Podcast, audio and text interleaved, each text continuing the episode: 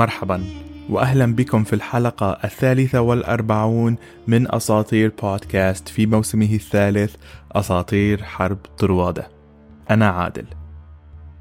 قبل أن نبدأ حلقة اليوم أود أن أذكر شيئا ما نسيت أن أذكره في الحلقة السابقة ألا وهو تعليق على عنوان الحلقة. تجري الرياح بما لا تشتهي السفن وبيت شعر لأبو الطيب المتنبي ما كل ما يتمنى المرء يدركه تجري الرياح بما لا تشتهي السفن. عندما كنت أبحث عن هذا البيت بالذات وجدت أن أحد الشعراء قال ردا عليه تجري الرياح كما تجري سفينتنا نحن الرياح ونحن البحر والسفن. إن الذي يرتجي شيئا بهمته يلقاه ولو حاربته الإنس والجن. فاقصد إلى قمم الأشياء تدركها تجري الرياح كما رادت لها السفن. الشاعر الذي قال هذه الأبيات مجهول لا لم أجد أي مصادر تذكر اسم الشاعر أو الشاعرة الذين قاموا بكتابة هذه الأبيات ولكنها مضاد جميل لما كتب المتنبي. هذا الموسم هو موسم سيريالي مما يعني أنه يجب عليكم أن تستمعوا للحلقات بالتسلسل. إن كانت هذه المرة الأولى التي تنضمون بها إلينا أهلا بكم. عليكم أن تبدأوا بالحلقة 41 لكي تتعرفوا على أصول حرب طروادة ومسبباتها. بقي لدي حساب واحد من الحسابات التي قدمتها وجيز لمستمعين أساطير بودكاست. إذا أردتم فرصة للربح بهذا الحساب الاشتراك لسنة كاملة مدفوع بالكامل من قبل وجيز. إذا أردتم فرصة في الربح فعليكم التوجه إلى إنستغرام وترك تعليق على آخر صورة. إذا كنتم تستمعون لهذه الحلقة بين الثامن والرابع عشر من أكتوبر. بالحديث عن التفاعل مع البودكاست إن كنتم تستمعون للبودكاست على سبوتيفاي فارفعوا الشاشة قليلا للأعلى وسترون أن هنالك مع كل حلقة يوجد سؤال ويوجد أحيانا تصويت. لم أكن أعلم بوجود هذه الميزة على سبوتيفاي فإن كنتم تستمعون للبودكاست هناك فأتركوا لي تعليقا. في حلقة الأسبوع الماضي لم يعد أمام أجامemnon قائد الجيش الإغريقي أي عائق لكي يبدأ بالحرب ولكي يستعيد هيلين السبارتية من طروادة. أكيليز وأوديسيوس انضموا للجنود والرياح العاتية تساند السفن بعد أن قتل ابنته إفيجينيا في هذه الأثناء يتملكني الشعور أن أجامemnon لا يكترث لهيلين هو فقط يريد المحاربة. هذه الحلقة تعتبر الجزء الأول من الإلياذة لهومر التي تبدأ تسع سنوات بعد بداية الحرب. أهلا بكم في الحلقة الثالثة والأربعون من أساطير حرب طروادة.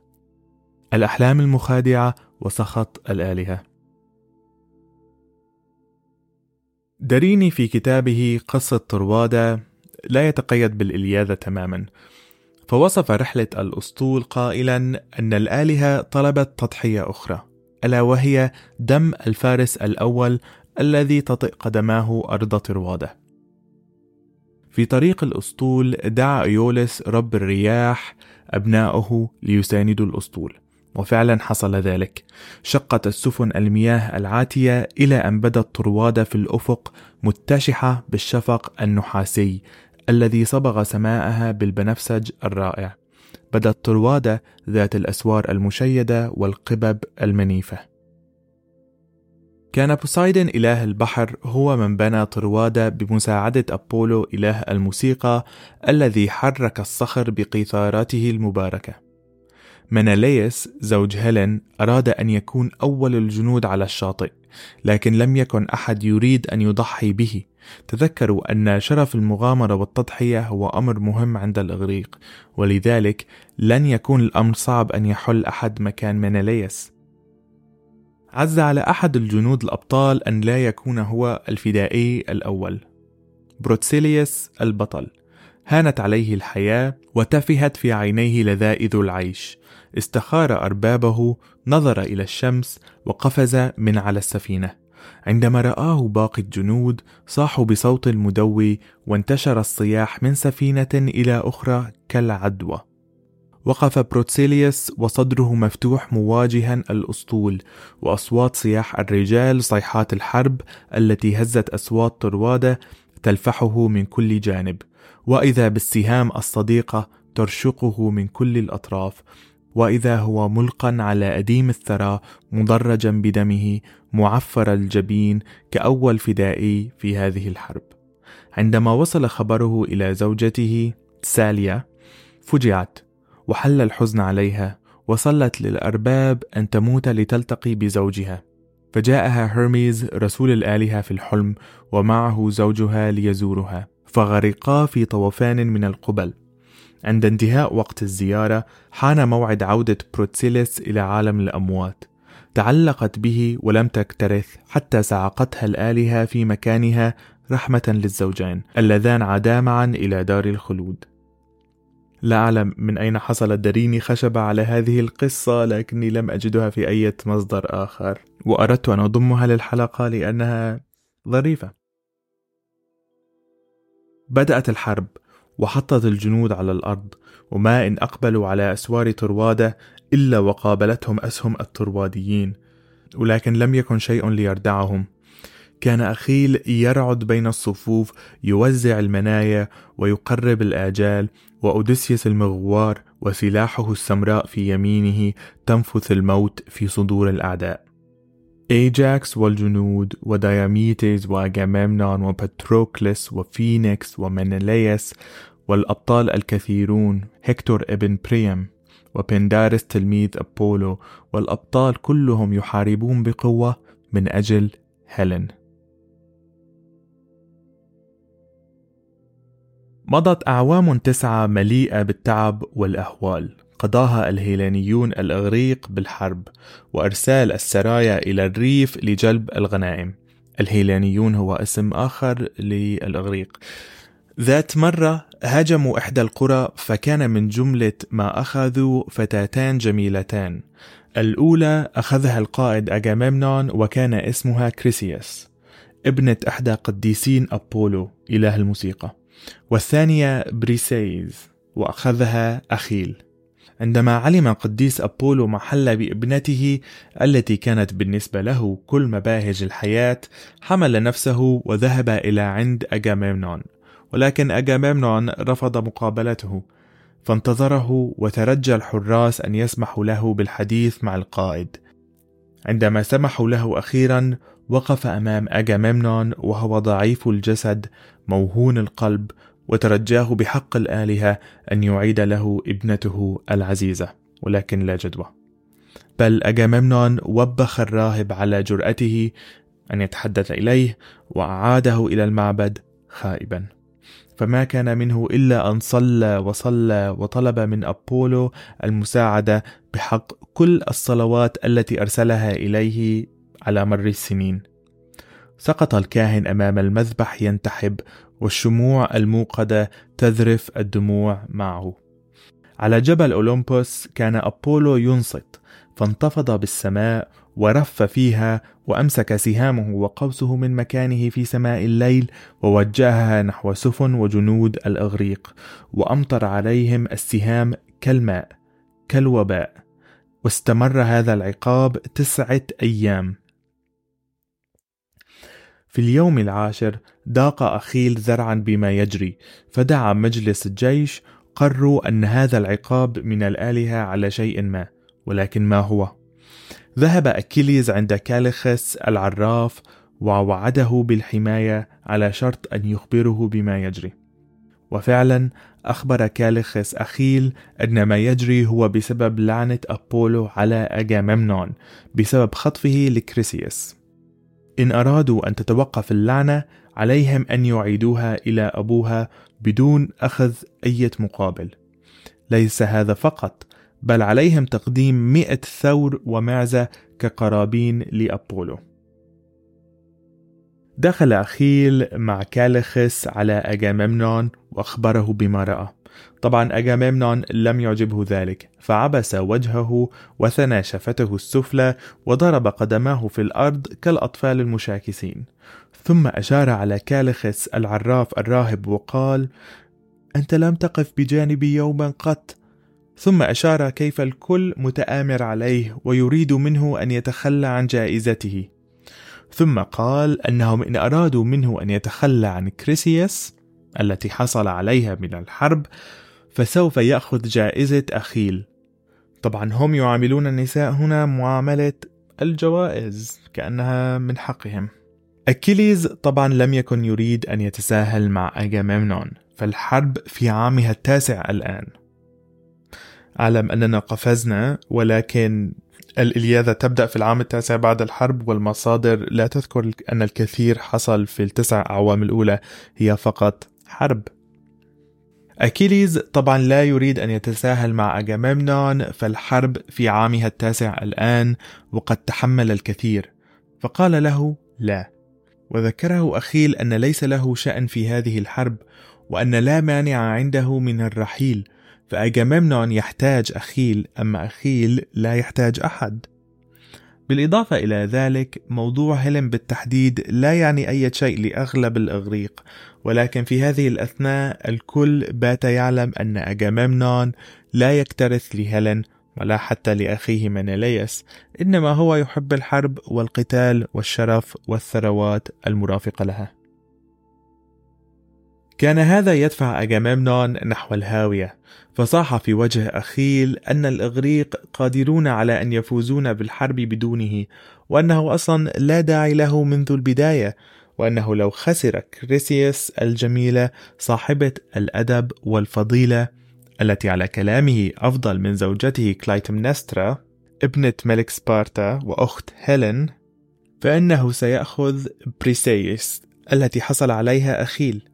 طبعا أخيل لم يكن يهتم لبريسيس كإنسانة إنما لما ترمز له من قوة عندما تكون تحت كنفه نشبت ملحمة هائلة بين قائد المعركة أجاميمنون وأفضل الإغريق أخيل.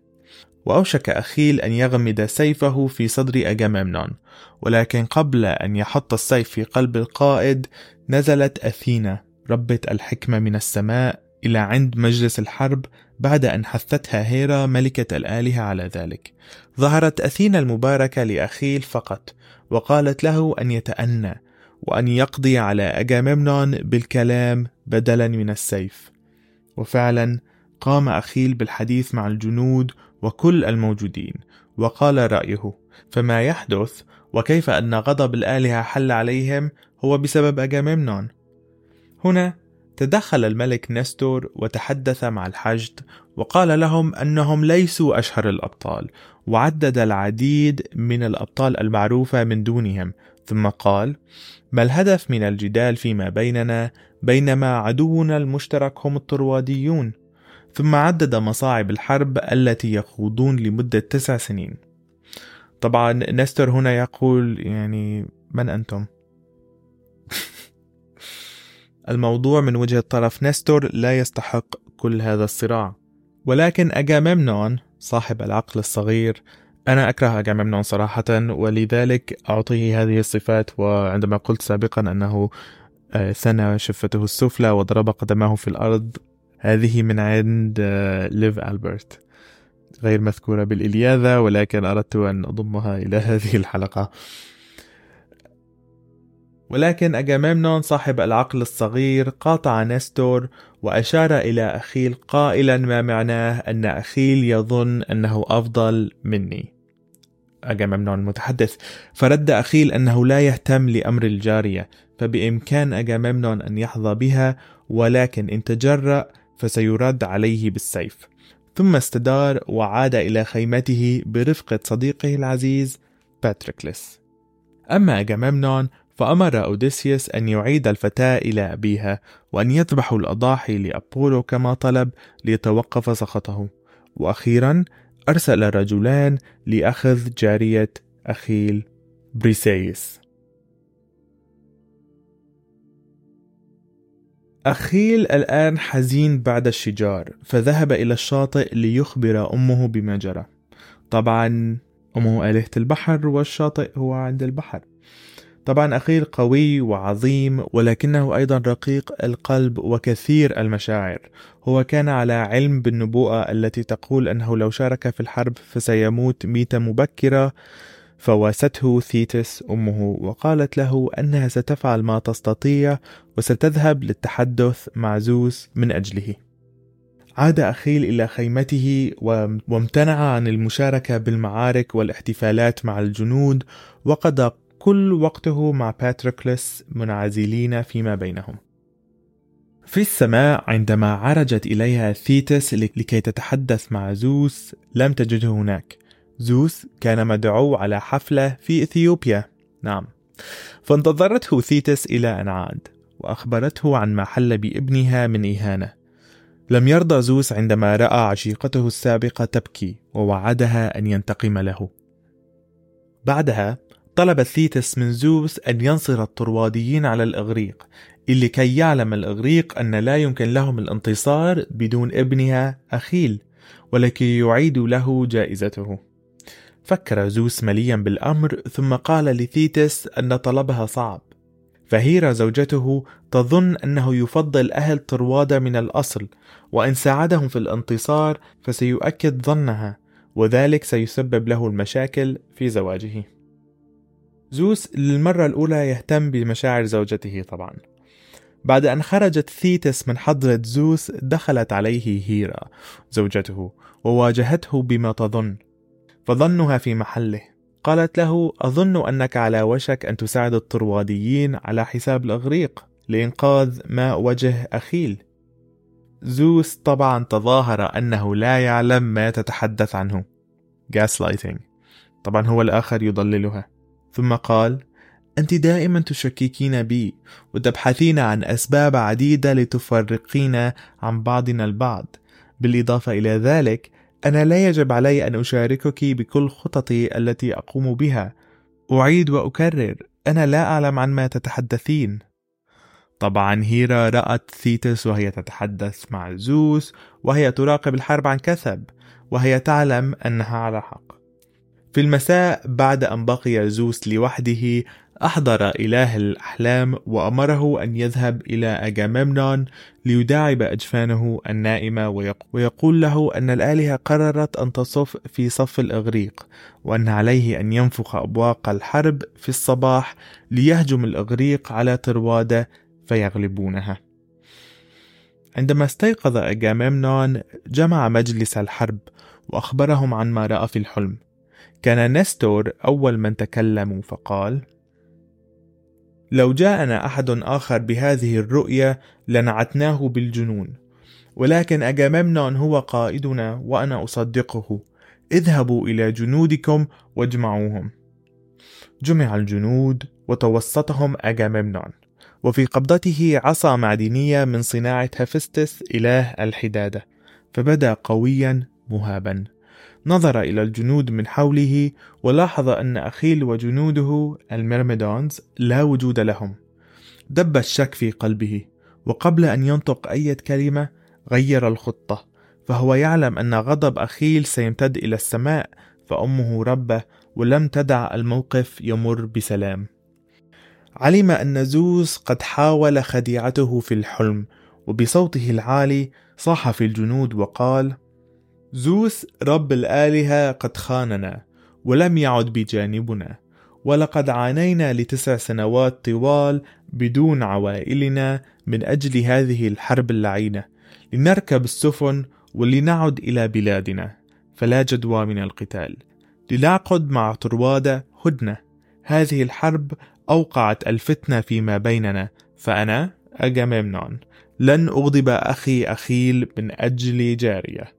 لنركب سفننا ولنعد إلى منازلنا ولتنتهي الحرب. فرحت الجيوش من هذا الخبر الرائع.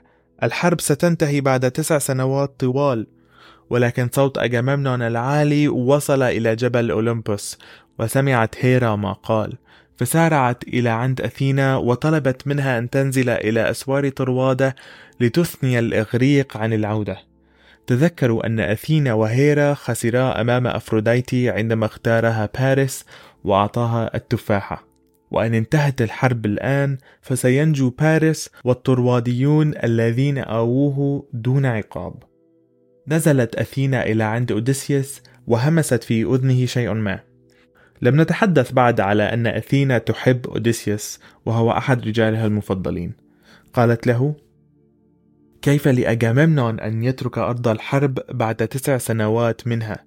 إذا تركتم مواقعكم فسينتصر الطرواديون وستبقى هيلين معهم دون أي عقاب. طبعا أوديسيوس يعلم أنها على حق فذهب إلى عند كل القادة لينصحهم بلطف ألا يذهبوا فهذا ليس وقت الانسحاب. وحثهم على التضحية والصبر والاستبسال وذكرهم بالعهود وهكذا تغيرت الحال ودبت روح الحماس بين الجنود وتجددت روح الحرب. دهش أجاممنون بما يرى ويسمع فمنذ قليل كانت روح اليأس والحزن مسيطر على الجميع وكان الجميع فرحا بالذهاب والعودة إلى ديارهم. طبعا أجاممنون لم يكن صادقا عندما وعد الجنود بالعودة إلى بلادهم من الأصل.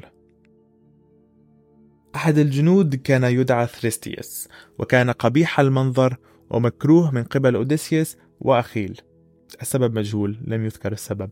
عندما اجتمع الجنود بعد أن صدر قرار البقاء قام ثريستيوس وصاح بأجاممنون غاضبا فهو لم يعد يريد البقاء على هذه الأرض الملعونة. ونظر إلى باقي الجنود وسألهم إن كانوا راضيين عن ما يجري. فأجاممنون أخذ أغلب الغنائم والذهب لنفسه ولم يشاركهم بشيء.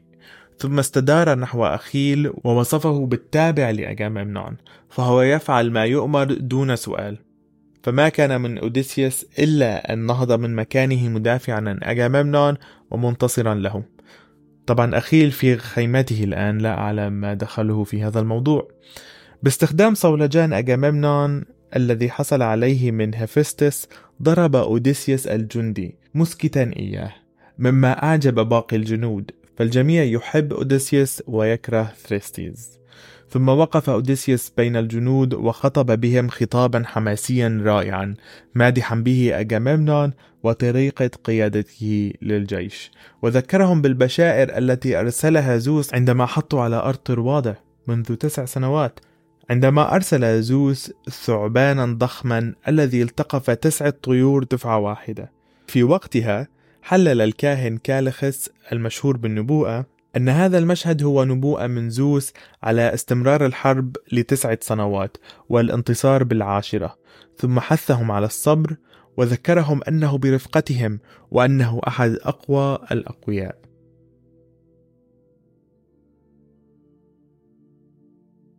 وبإخبار أوديسيوس الجنود أنه أحد أقوى الأقوياء تنتهي حلقة هذا الأسبوع. أتمنى أن تكون الحلقة قد نالت إعجابكم. تقريبا تقريبا 60% من هذه الحلقة كانت من الإلياذة. فكما قلنا أن المصادر تتضارب. أما تسلسل الأحداث على اختلاف المصادر فهو متطابق. أنا هنا أحاول أن أروي الأسطورة لكم بأكثر طريقة مشوقة. لا تنسوا متابعة البودكاست على المنصة التي تستخدمون للاستماع وإن كنتم تستمعون على يوتيوب فقوموا بالاشتراك في القناة وأيضا ترك تعليق على هذا الفيديو. تابعوا البودكاست على مواقع التواصل الاجتماعي وشاركوه مع أصدقائكم وأهاليكم المهتمين بالأساطير. اسم البودكاست هو أساطير بود في كل مكان. A S A T E E R P O D. مؤخرا على إنستغرام قمت بمشاركة شجرة عائلة هيلين السبارتية لكي أعزز فهم القصة وترابط هذه الشخصيات.